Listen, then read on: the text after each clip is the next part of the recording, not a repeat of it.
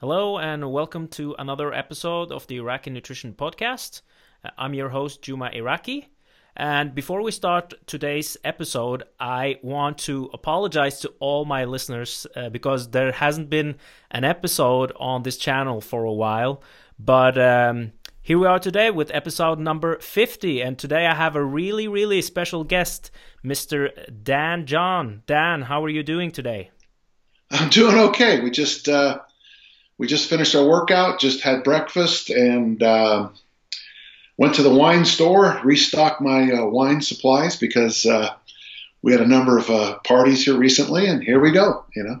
Nice, nice. So uh, I was fortunate enough to meet uh, Dan at uh, this year's AFPT convention in Oslo, Norway, and he had a great speech. I think, to be honest, Dan, I think I enjoyed your speech the most because I think it's a really important topic, special especially for personal trainers. So today's topic will be goal setting, and um, this podcast will be available on YouTube in video format. But if you prefer to listen to it, uh, you can also find it on iTunes. So Dan, could you give us uh, a background about yourself? Yeah, I guess I have a cough today. Um, I started lifting weights in 1965 and I started coaching in 1979. I uh, paid for all my education as a discus thrower. Uh, I'm an Olympic lifter. I have a weightlifting meet next next Saturday, which I'm looking forward to. Um, I'm 60. I've been lifting weights the bulk of my life. Uh, I make my living now as a college professor in both religious studies and in strength and conditioning. Uh, my 13th book just came out called Hardstyle Kettlebell Challenge. That wasn't my title, but it worked out okay. Yeah. And uh, I travel around the world uh, talking about weightlifting, and people pay me money for that, I guess. So it works out really nicely. I, I, I'm this is what this is who I wanted to be when I grew up, and here we go. You know. Perfect. So the last book that came out now will that be in Hungarian as well? I don't know. Uh, I have a couple of books in Hungarian. Mm-hmm. Um, it is strange. My books are translated into uh, Korean, Hungarian, German, and Japanese. I just find that funny. I just, yeah. I just, I always tell people I'm big in the Altaic language family, you know. but the honest thing is that most most people who would read my work, even even the Germans have told me that they like the German translation of my books those who speak English read my English, and then the German translation isn't the way I speak. Mm-hmm. It, does that make sense to you? Yeah. It doesn't sound like me. It, you know, it, the, the, the, it's not. Yeah, the one person said it's not as funny. Yeah. You know, the, of course, you know, the Germans are noted for their sense of humor, so I guess that's. Uh, there we go. Yeah. Yeah. All right, then. So, um, like I mentioned, today's topic is uh, about goal setting that you also talked about at the the, the convention. So, uh, let's start off with uh, a question: What when people are setting goals, what are the biggest mistakes you see people do? There's no question. It, it, it's because you're answering a question. Mm-hmm. Um, if you're with your uh, your mom yells up, "Did you do your homework?" You respond, "Yes, I did." Uh, did you brush your teeth? You respond, Yes, I did. Did you do clean up your room? You respond, Yes, I did. So when someone comes in to talk to you and they say they want to hire you as a trainer and want to join the gym, you say, Well, what do you want? And almost universally, it's lose weight. And then you say, Well, chop off your leg. Ha ha ha ha, because that's an easy way to lose weight. No, I want to lose fat. So what we call this in theology is a steno symbol. A steno symbol is a word with a single meaning. And uh, the best example, I mean, my computer right now is on my desk. The word desk I've never heard used any other way. So if we were on a beach and a girl walked past us and I said, she is so desk, you wouldn't, well, I mean, sorry, what? I don't understand what you're talking about, okay? But certain words like, you know, well, the other word I usually use in American is, is gay. The word gay means happy, and yet you can't use the word in 2017 any other way than the, what the word gay means today. So when you're talking, when a client is talking to you, they are using a, a kind of language. Uh, if I say, hello, how are you? And this morning, both your parents were in a tragic accident, they both died, you'll probably respond, I'm fine, thank you, how are you? And I'll be like, wait, wait, because that's how we work in communications. So the biggest problem you face, I face, in fact, even the clients face, is when they first say something, when we first say, What is your goal? their response is universally lose fat or lose weight. And the strange thing is, even if they're non believers or atheists or whatever, they will still think that what got them in this place they're at now is uh, one of the seven deadly sins slothfulness or slothfulness or gluttony. I eat too much and I'm lazy.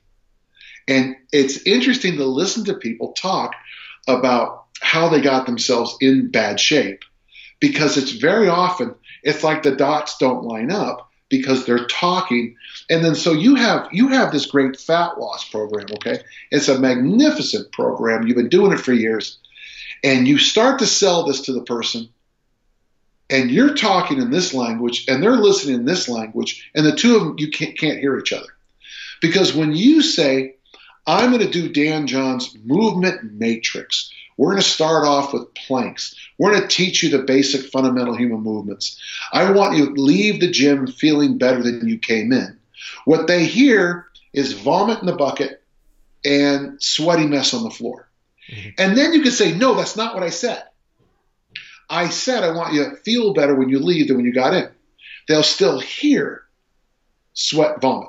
And that's CrossFit nailed it perfectly. They've got Uncle Vomit or whatever his name is, Uncle Pukey uh, Uncle Rhabdo from this disease called rhabdomyolysis. Mm-hmm. You know, they nailed that steno. That's what most people want. You know, Bikram yogi, you sweat. Well, of course you sweat. You're in a room that's 40 degrees uh, Celsius that's also humid. Yeah, you're going to sweat in the room for 90 minutes. So I guess the biggest problem we, we start off with, and then you're going to say something about nutrition, and they're going to hear rabbit food. Mm-hmm. And you say, no, uh, my, my first diet I give people is called more, more, more. More protein, more veggies, more water. I don't care how you do it. I just want you to eat more protein, more veggies, more water. One more, one more egg is more protein. Half a glass of water is more water. More, more, more. They can't hear that. All they want to hear is starvation or rabbit food. That's what they hear. Mm-hmm. Even if I'm not saying that, that's what they hear. So before we even start this conversation, You've got to understand that client and coach are not talking to each other. They're not communicating. They are saying words. Honey, did you do your homework? Yes, yes, I did. There was no communications there. When someone says to you who's intimate with you and they say, Do you love me? You almost by nature say, Yes, yes, I do. Even if you're about to leave them. Mm-hmm. Okay? Because we can't help that. We just can't help that in language. So when a client first comes to you, the biggest barrier you have to break through is the client is using this mouth to form sentences which they don't even know. They're, they're just replying to you. They're not actually telling you anything. That's why the assessment is so important to find out what they need, not just what they want or said they want. Excellent. Now, uh, uh, that was great, and that's my follow-up question because you when you were talking about this at the AFPT convention you were talking about connecting the goals with uh, with the assessments. Uh, could you right. tell us more about that? Well I see goals and assessment as either a figure eight or an infinity depending on how you look at it okay? Mm-hmm. and that the goals and the assessments constantly swim together in this figure eight. So if you work with an athlete now this is here's the problem.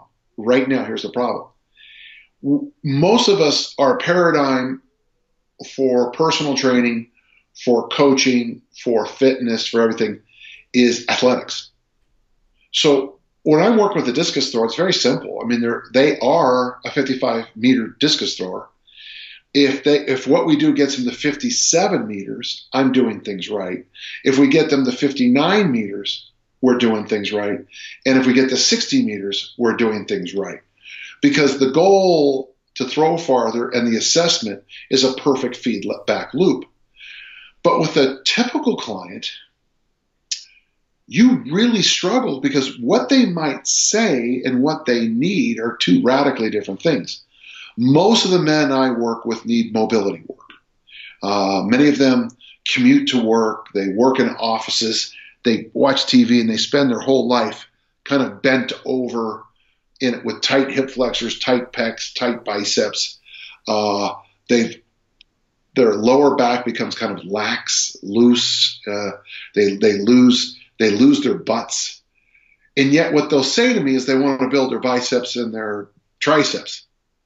Well, what they want and what they need are not the same thing. They need mobility work. They need to work their butt hard, and they need to work their upper back usually. Okay. Women will very often say, I just want to lose weight.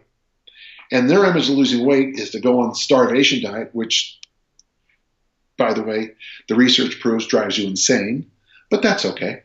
and they want to just, sweat, you know, end up in a pile of sweat. But really, what they need usually is to get stronger. If women can get stronger, almost always their body composition goals come right around after it. So I guess you know, I guess, I, I guess this the art of coaching is the ability to give people. Huh, I've always joked about personal training because personal training is a funny thing. So, uh, Juma, I'm going to pay you money to make me do what I asked you to make me do. Mm-hmm. I'm going to pay you money to make me do what I asked you to make me do. That's insane. Yeah. That is that's the craziest economic thing I've ever seen in my life. And yet that's what we do. Mm-hmm. So but as a big kid, and I think that's what coaches and trainers are big kids, it's my job to quit focusing on what they want and to really zero in on what they need. So for me, I almost I almost don't even pay attention when in goal setting anymore when I first meet somebody. I almost ignore what they want. Now, I listen and I'm a kind person, but I, I have this one, two, three, four assessment that I use, and I can get away with it, but you know, because I don't, I don't need the clients, I don't need the money, but it, you get to the point sometimes where I literally have, I, I got to tell people, I can't help you because you know, they tell you what you want to hear. Two of my questions are this Do you eat colorful vegetables? Universally, everybody says, Yes, yes, I do. Another question I ask Do you exercise half an hour a day? Yes, yes, I do. Well, you're 50 kilos overweight and you're eating colorful vegetables and you're exercising half an hour a day. So, what I tell them is, I can't work with you because those are the two things I was going to have you do. And then they go, well, I don't exercise a half an hour every day. And then the truth starts to come. What I just did was break that worldview, that paradigm, that steno symbol, the yes, yes, I did my homework. And so to me, really, when you're working with normal people, everybody else is what we call them in our gym, non athletes, is you have to get them on this route of finding out what they need. Men, almost universally, need body composition work, uh, loose and fat, and mobility work. But to get them to do that, we do we toss in bodybuilding work. So we'll do a set of hypertrophy work and mix that with mobility work. So bodybuilding, mobility, bodybuilding, mobility. So I give them what they want and what they need because that's the only way to get people to do that. With females, honestly, if you can get them hot and sweaty doing something, doesn't matter what it is, and then teach them to deadlift and pull up, all your dreams come true. It's not the hot, sweaty stuff, because that's what they want. It's the pull ups and the deadlifts. So that that is how we try to swim the two through. Uh, we have very simple measurements that we use in our gym. Uh, very simple. Uh, stand in one foot for 10 seconds. Um, make sure the person doesn't weigh over 135 kilos. Those are the first two. Waistline measurement. We expect the waistline to be half the height. Mm-hmm. Okay. Uh, the joke is always most most of your clients are too short. yeah, yeah. Um, the next assessment we use is a very simple one. I ask you how many pillows does it take to sleep comfortably. If it's more than one, you're a mobility client. Uh, I can always see where I am in my training cycles by how many pillows I sleep with. When I'm doing, when I'm right on, you know, kind of uh, training the way I'm supposed to, one pillow, fall asleep like that, wake up refreshed like that. When I start gathering more and more pillows, that's when the that's when I'm starting to get beat up from the training a little bit. Mm-hmm. Uh, the next two questions I've already told you about the, uh, the, the, the colorful vegetable question, the half hour of exercise, and then we do a two minute plank test to find out if they're strong enough. We also have three more tests, but they're not as a farmer walk, a standing long jump, and a Turkish get up, but those aren't nearly as important. So our initial assessment is to clear out. Okay, if you have someone who can't stand on one foot for 10 seconds or weighs over 135 kilos, I insist on medical intervention first. See a doctor, see a dentist, see an eye doctor. Let's find out what's going on in this whole system. Um, if your waistline is over half your height, um, then I know you're a body composition client, no matter what you said you were. Uh, if you can't hold a two minute plank, then I know you're a strength client, no matter what you said you needed. Uh, so that's the system we use, and it's available in one of my books, but it's very simple and it's very to the point. And then ongoing assessment is the important thing. And to be honest with you, are you ready for the next? The next? Are you ready to move on to another topic, real quick? Yeah, yeah, yeah. The more out of shape a person is, the more convinced they are that they can just flip a switch in their head and have the discipline of a monk and the discipline of a world class athlete in both the areas of nutrition and exercise.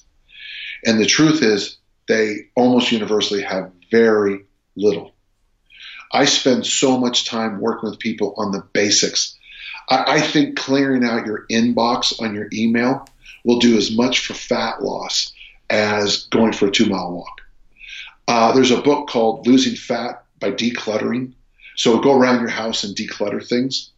Uh, when I tell people about it, they say, How can that happen? I go, Most of your clients' lives are so cluttered that there is no energy left to work out or make proper food choices.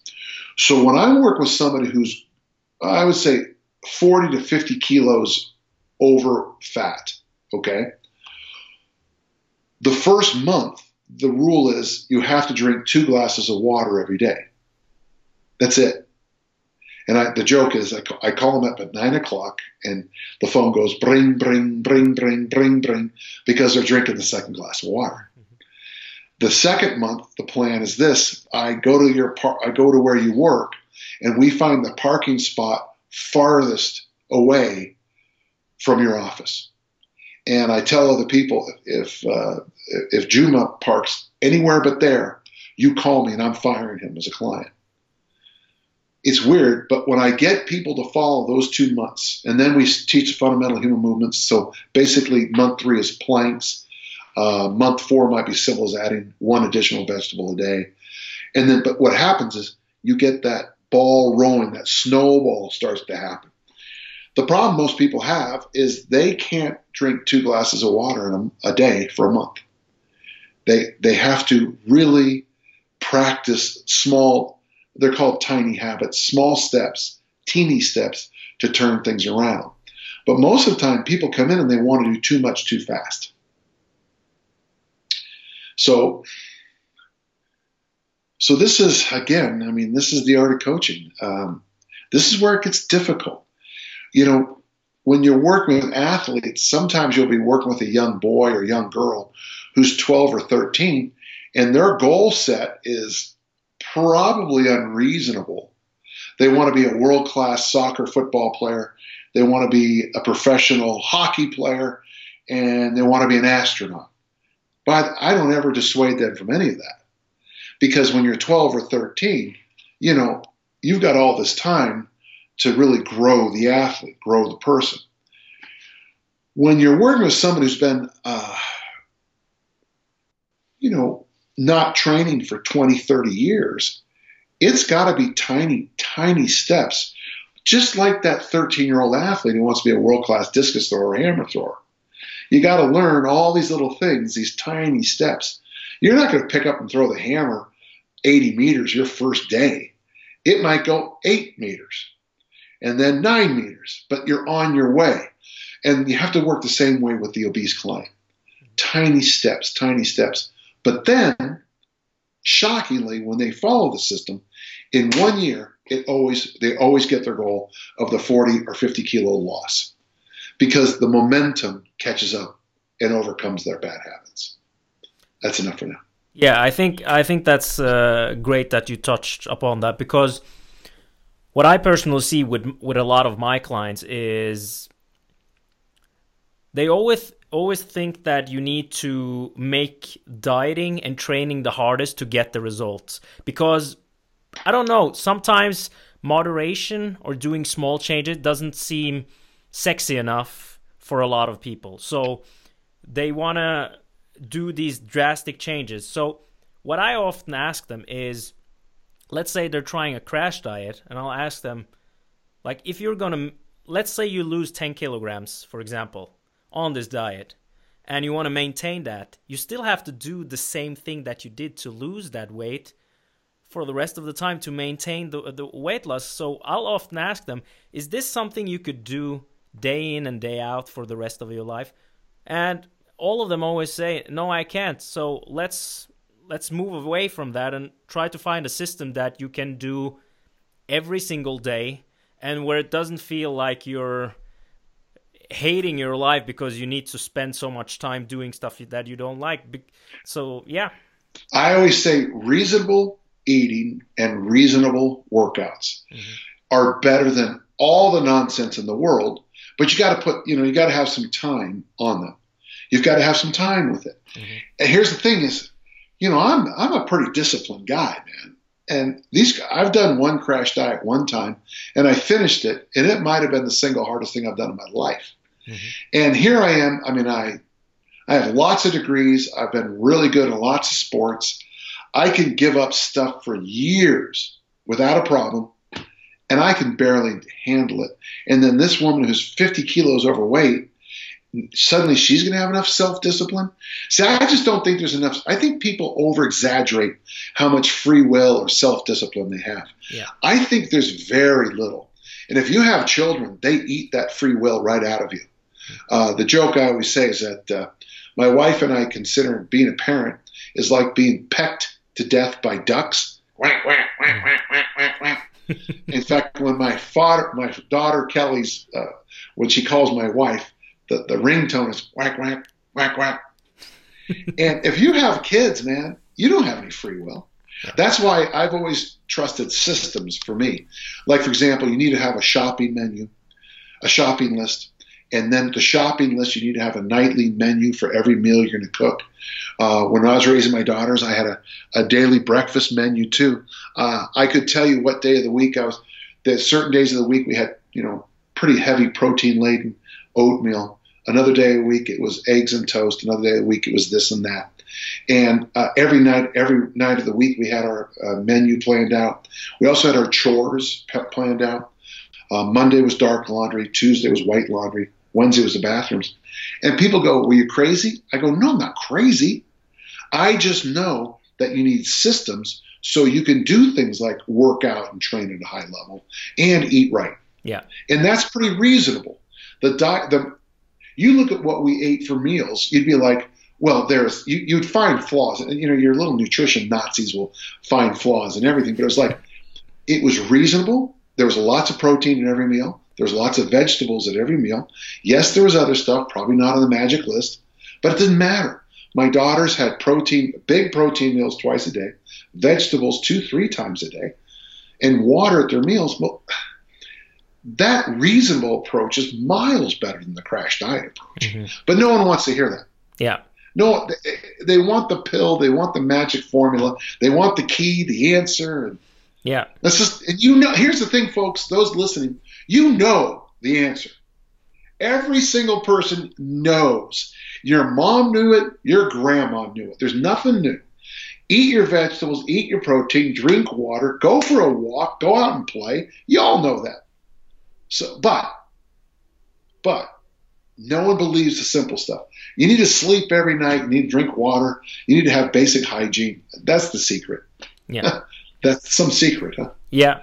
But I, I also, another thing that I want to touch upon is I think a lot of people think of training and nutrition in black and white terms. Either they're going to huh. Ah. do everything 100% or they're or not going to, or nothing. So, a very typical scenario that I see with a lot of people is they'll eat their diet Monday through, let's say, until Friday. And then on Friday, Bill at work brought cake. So they had one slice of cake. And then suddenly they're off their diets and they'll spend the rest of the weekend binging so they can start over on Monday. So, what I typically ask my clients is if you drove your car into uh, if you drove your car into your garage and you got a scratch on your car, would you still like wreck your car because it's going to go into service anyway and get fixed up? No you wouldn't do that but that's basically what you're doing with your with your diet because you've taken a really small problem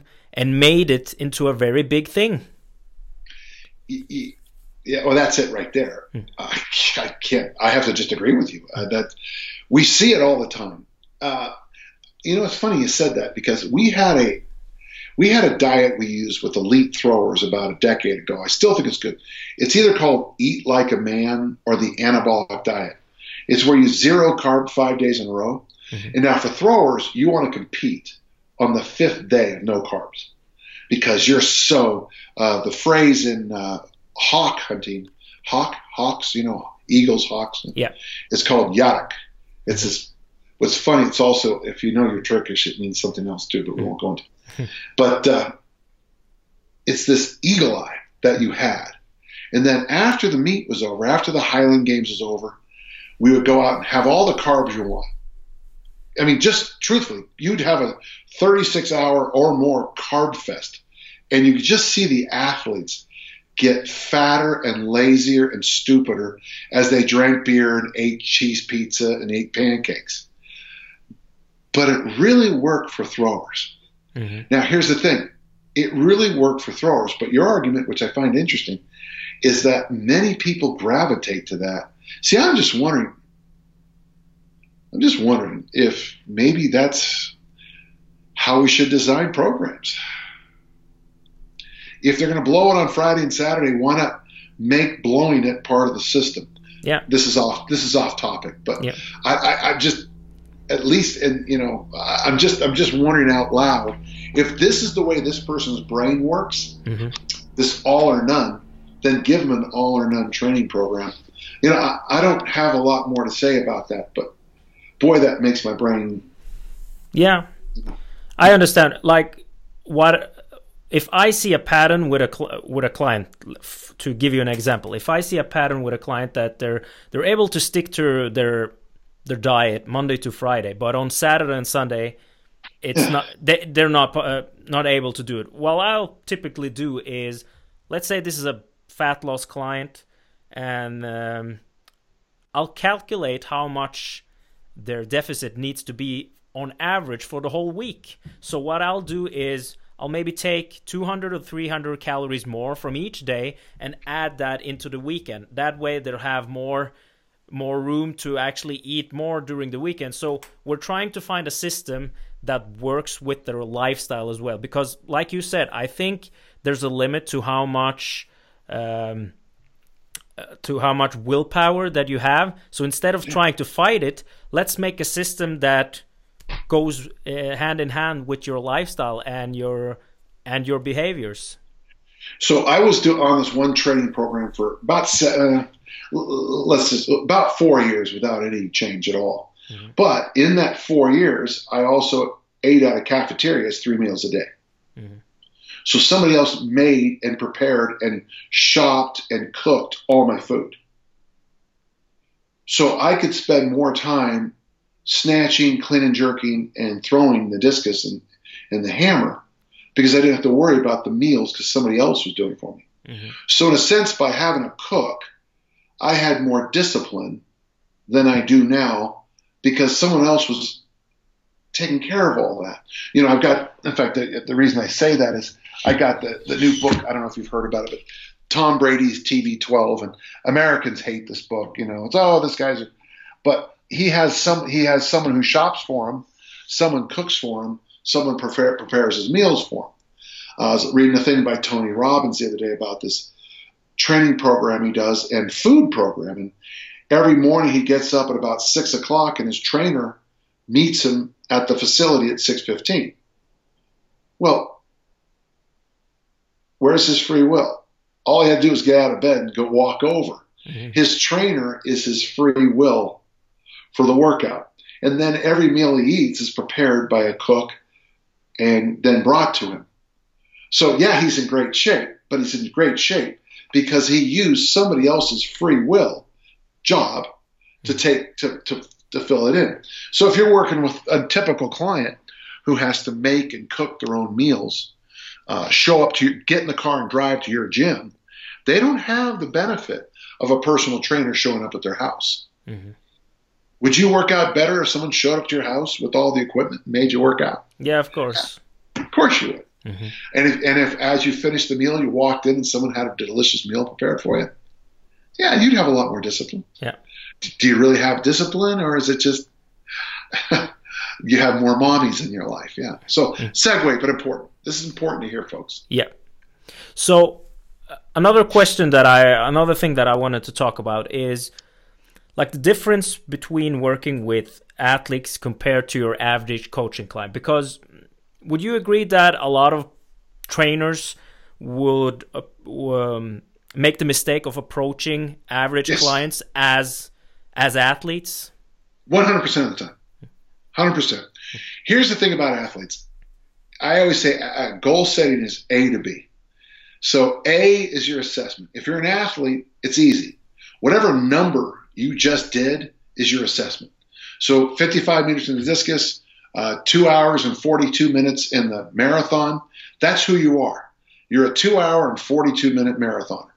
If you want to get under 230, which is huge, uh, we got to take 12 minutes off your time, which means you got to take about, you know, it's a math equation now. You know, it just becomes math now. And so we need to do this a little bit here and a little bit there to shave off those 12 minutes. Well, the problem is that's not how the rest of us work we argue in the community I teach, the way we do our system, is that I was wrong before about it, and I, I hope I'm more right. The typical everybody else, there's what they're telling you is this, and it's, it's a very emotional thing, because once you figure this out, it's it's really interesting. You see this guy right here? It's not me. And Juma, I got to tell you from the heart, what I just said is absolutely true. Juma, I am 60 years old. I'm 60. I don't think I'm 60 years old. I look in the mirror sometimes and go, who's that old gentleman? Hmm. Today in my workout, I snatched 75 kilos. And I struggled with a 75 kilo snatch. That's not me. I'm 22 years old. I my first warm up is 100 kilos. Then I jump to 110, then to 120, then to 130. That's me. That's who I am. I'm not the 60 year old guy. Woman client comes into you and she says, "Well, I want to lose fat." Inside of her head, head is she saying this to you? This isn't me. I'm I've got that Norwegian butt I'm the boys can't stop. You been to Norway? Yeah. Um, the Norwegian women have a real problem. Uh, they might have the finest rear ends I've ever seen in my life. Now I'm a researcher, so it's okay for me to say that, okay? Mm-hmm. But by God, whew. so you know she's had three kids. She's put on 30 kilos, 20 kilos. She's saying to you, man, this isn't me. So that's one of the biggest things you have to work through with a normal 99.9999% of the population is that this traditional way of goal setting for athletes, A to B, is wrong.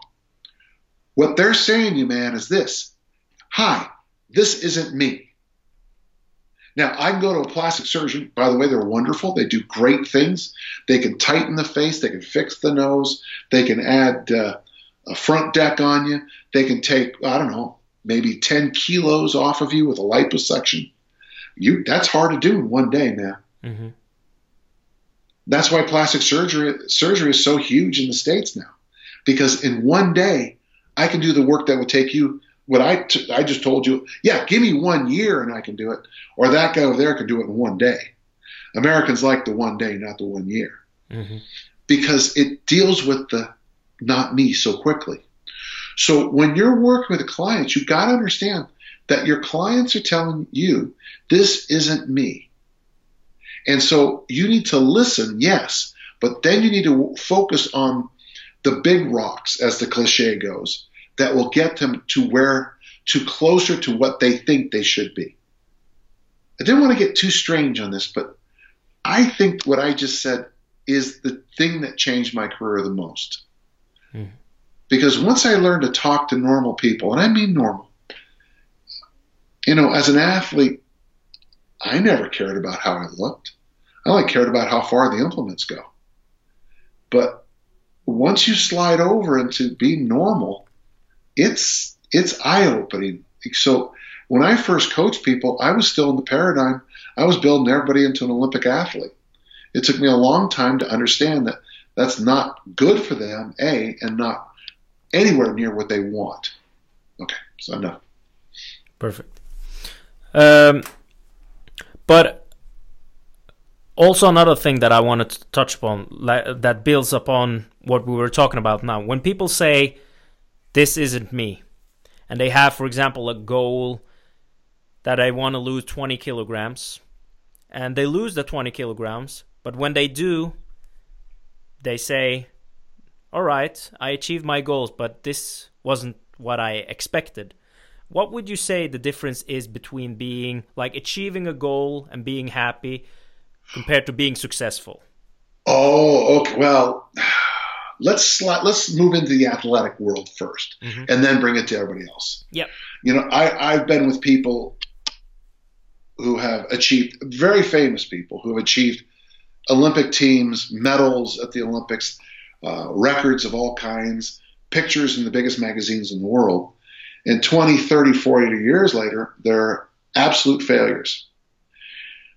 One of the things I talk about all the time with my athletes, with my students, of all everything I teach, is when you set a goal and you start to go up the rungs of that ladder, huh? When you get there, if you if you do get your goal, you might not be successful. And that's one of the hardest things to learn in life. So success is the is the is the gradual realization of a worthy ideal. That's Earl Nightingale. And I've always thought that underlining, for example, one of the reasons I decided to be a discus thrower is so I could pay for all my education. So I did not get all my goals as discus thrower. By God, I tried though. I tried, I tried, I tried. But I didn't get all my goals, and I'm fine with that. But then I look back and so I've got 13 books, three are true bestsellers. I got a great wife, two great kids, I got grandchildren. I've got I travel around the world. I fly about a quarter million miles a year. I go all over the world. I I read great books constantly, you know, so I mean these, you know, there I mean everywhere in my everywhere in my room here is phenomenal books, you know, of all kinds. Um, I have good friends. I'm deep in the community many communities. So maybe I didn't get my goal, but I'd have to argue that I'm successful. You follow? Yeah. Um, one of the things that hurts people, especially females, and this is going to come off weird, but Edna has this idea that if she can get down to 60 kilos, all of her dreams come true. And one of the things I always tell them is that when I'm on the beach and I'm looking at women, as a researcher, not you know, not for my own personal enjoyment. Never once have I ever said, "Huh, she's smoking hot." I wonder if she weighs 61 kilos. Never. Mm-hmm. And one of the problems we have is you can get a goal as arbitrary as losing 20 kilos. But it's still, you still might not make you successful. So that's why I love this concept called, do you ever heard of before, after, after pictures?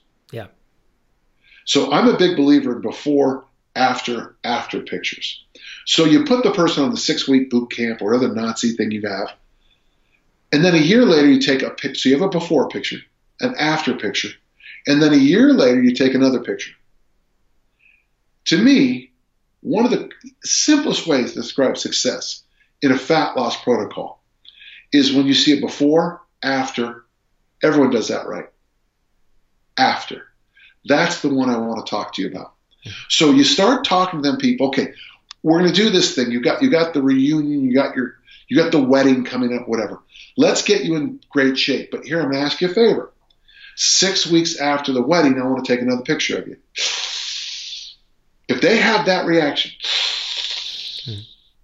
then you have to intervene right away and say, okay, why are you so afraid of it? What are we doing wrong? Well, I just don't think I can work out three days a week after I'm married. And then you have to, so what's going to happen? You want to start kicking those objections out of the way early and hard. You follow? You know, so I'm a big believer in succeeding, in success. And it's hard to explain this stuff to people, but you know, if you choose wisely in the sport you pick, your spouse, oh my gosh, does picking a good spouse change everything? By God, if you get the spouse part down right, most of your life gets pretty easy.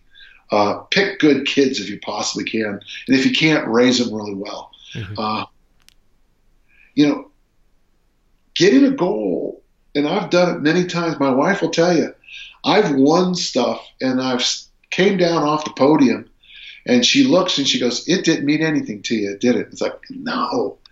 I spent two years working for that. And yet other times in my life where things aren't even that big are like, I'll be like, God, it's the biggest thing in my whole life.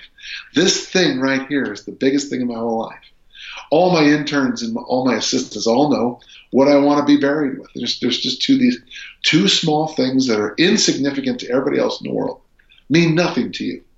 But those are the moments in my life where I was the most successful because I had to overcome this thing. And it, it, it truly was a, a turning point in my life. But enough. But that's that, by the way, folks, that's just a start of the goal setting, goal achieving versus succeeding discussion. And I'd like you to think about it yourself. Have you ever gotten a goal and been like, huh? Have you ever failed a goal and f- not gotten a goal and felt, you know, I didn't get this goal, but wow, what a life changing experience it was for me. Mm-hmm. And that's what you want. You want to start looking for those areas of life where, man, that changed my life. Boy, things are better. Excellent. Now, Dan, to, to wrap it up on this uh, topic of goal setting, what would be your uh, take home message to the listeners? On goal setting? Mm-hmm. Oh, that's a tough one, my friend. You know, I would start off with this, folks, if you don't mind. I'm not patting myself on the back too much, but I've achieved a lot of really big goals in my life. But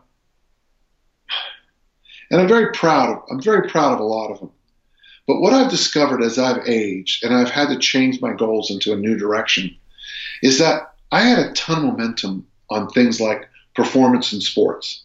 I, I grew up in a sports family. I was I had great athletic facilities, great coaches. But when I've turned into other areas of life and had to kind of start at zero, what I have found is that making goals that are very easy, very attainable, very simple to get, and then build on that is much better. People ask me all the time, Dan, I want to write a book. What, what do I need to do? And I always, and it's like, well, first you probably have to write every day. Every day? Well, yeah, every day. And it, would be nice if you wrote, you know, maybe uh, take a piece of paper and just sketch out some ideas. Sketch out some, and it's just it makes me laugh because so I look at writing a book right now. I'm writing my 14th book right now, and I I don't have a I don't have a word on the computer yet, but in my brain the book's already finished because I know the process so well. Mm-hmm. But when I first started doing it, I would sit down at my old typewriter, a thing called a typewriter. Don't mean to scare the young kids out there. Uh, and I would write about a paragraph a day, pull it out, put it aside, look at it, something else, and I would just try to build, build on it a little bit every day. Small, tiny habits built up over time. Um, I tell people who don't know how to exercise. So for the first off, here's number one. I want you to put your running shoes. I want you to put your running shoes next to the door. And the first week, your job is to every day put on your running shoes. I don't want you to go anywhere. I just every day for a week put on your running shoes. Week two, put on your running shoes and walk out to the curb and back. And people go, well, that's too small. Well, can you do that? Well, of course I can do that. Prove it. I'm giving you two weeks. In two weeks, you have to uh, five times put your shoes on and five times put your shoes on and walk to the, the curb and back. And here's the funny thing a lot of people can't do that. Mm-hmm. So the key to goal setting is at first, when you're trying something new, strive to do the tiniest little bit you can every day. I've told this about learning languages. I'm thinking about picking up Norwegian for my next trip. Mm-hmm. Is instead of trying to learn Norwegian, try to learn a Norwegian word. You know, and then build that word into two words, and then uh, just like oh, I mean, just like babies, how they learn to crawl and how they learn to speak. Yeah, it works for babies and little children. It'll work for an adult too. I argue this quit having such lofty goals. I want to be Mr. Olympia and the sprint champion at the Olympics and make a million dollars with my singing voice. Why don't you just put your shoes on every day for a week first, and then we'll get the loftier goals down the line? People always overestimate what they can do in a day, but they completely underestimate what they can do in a year. Mm-hmm. My goal always with a new client is one year from today one year from today. If you give me 182 workouts, good things will happen. I guarantee it. But we can't do it today. Okay? Mm-hmm. Yeah, that's uh, that's excellent advice, and I, I especially like the advice you give on on the shoes because, like you said, it's not that difficult to do it, but still, there's a lot of people that aren't able to do it. So so it's like it's like building a house. You need to build it brick by brick, but Yes. Yeah. But everybody else, everyone wants to suddenly, you know, take out their Harry Potter wand and go and have a house built. Yeah, yeah, yeah, yeah. All right, Dan. Thank you so much for taking the well, time thank to you. do this. This has been uh, very nice. Yes. Thank you. Uh, before we sign off, could you please tell us where people can find uh, more information about you? Sure, danjohn.net. That's you can go there. I've got you can buy my books on there. I think. Uh, uh that's really all you need to know. I'm on Facebook, but you know, Facebook is just an odd thing. But uh, uh, I have a Q&A over at uh, question and answer over at uh, davedraper.com. But you, in the emails, you have all that, right? Did you notice on the bottom of my email? Can you just put that up as part of the thing? And so they'll know how to get my Q&A and everything. And please feel free to ask me questions on the Q&A. I'm always here to help, okay? Perfect. Thank you so much, Dan. And uh, thank you. Enjoy uh, the rest of your day. Oh, I will. Yeah. Trust me on that. All right. Take care. Nice talking to you. Okay. You too. Bye bye. Bye bye.